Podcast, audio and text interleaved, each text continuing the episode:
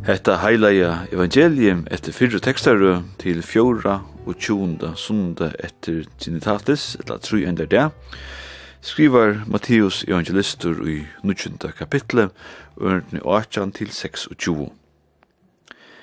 Mian Jesus tale hetta tiltarra, sui ta kom ein forstå mevur og fett ni i fyrhånden og seie, Døtte mun er beint no deg, Men kom og legg håndtøyne av henne, så livner hun oppater.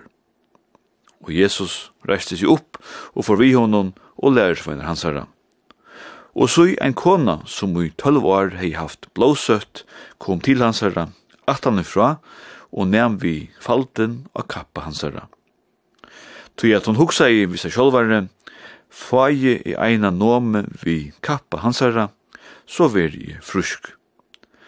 Men han vente seg råa, og tog han så hana, sier han, Hev to godt, triste, døtte min, trygg tuin hevur frelste. Og konan var frysk fra tar som stund. Og ta Jesus kom inn i husene, tja, forstå mannen, og sa her spelmennar og en av mångta fölkje, i gråto og ytla låto, sier han. Færre tikkara vi, tja gentan er ikke deg, men hon svevur. Og det levo et honom, Men ta ui falkamongten var kort ut, får han innar og tok i håndna av henne, og gentan reiste seg opp. Og hese tøyinte kom ut om alt landet, her om veier. Vi er kommet til nast sørsta sunnundag ui kyrkjo og Arnon. Frasøkna hesa fyrir finna vi bæg tja Mattiusse, Marskuse og Lukasse.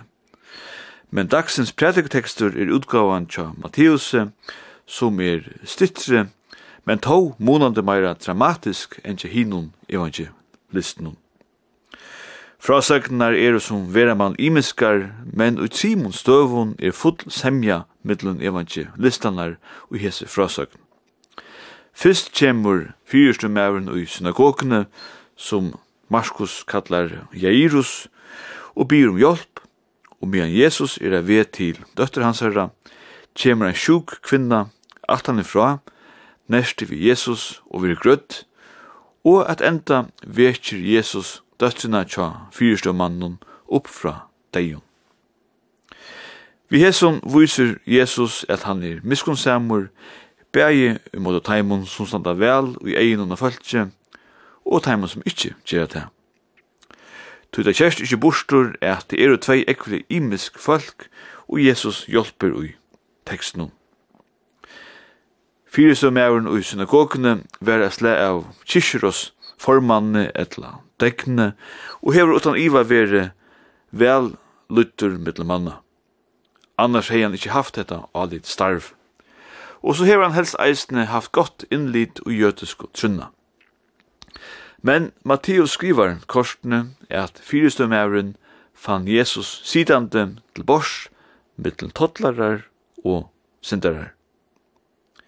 Fyrstømævren kom inn etter Jesus, og Jesus rastist og fyllte vi hon.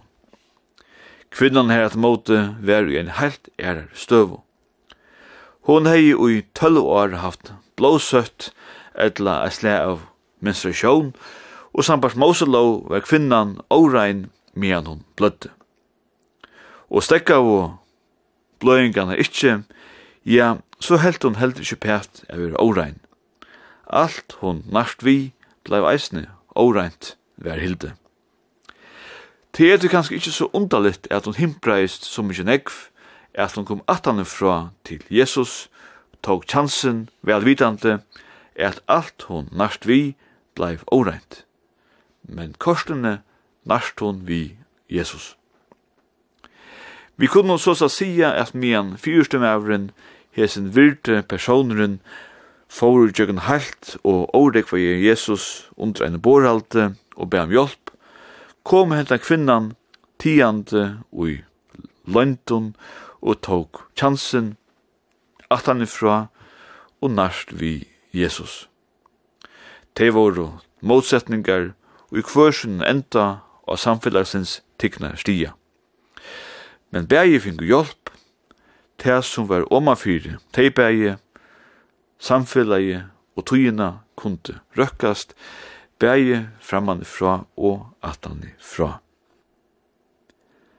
Vi enda kvöld vi salmenon og kristne to alt etla og kristelighet. Salmen er nummer 323 i Salma, bokene, men i kvöld høyre vi til dansk utgavna, vi høyre Holmens kantori Sinja under leislo av Jakob Lo Brensen, som eisen hev lagt til rattes.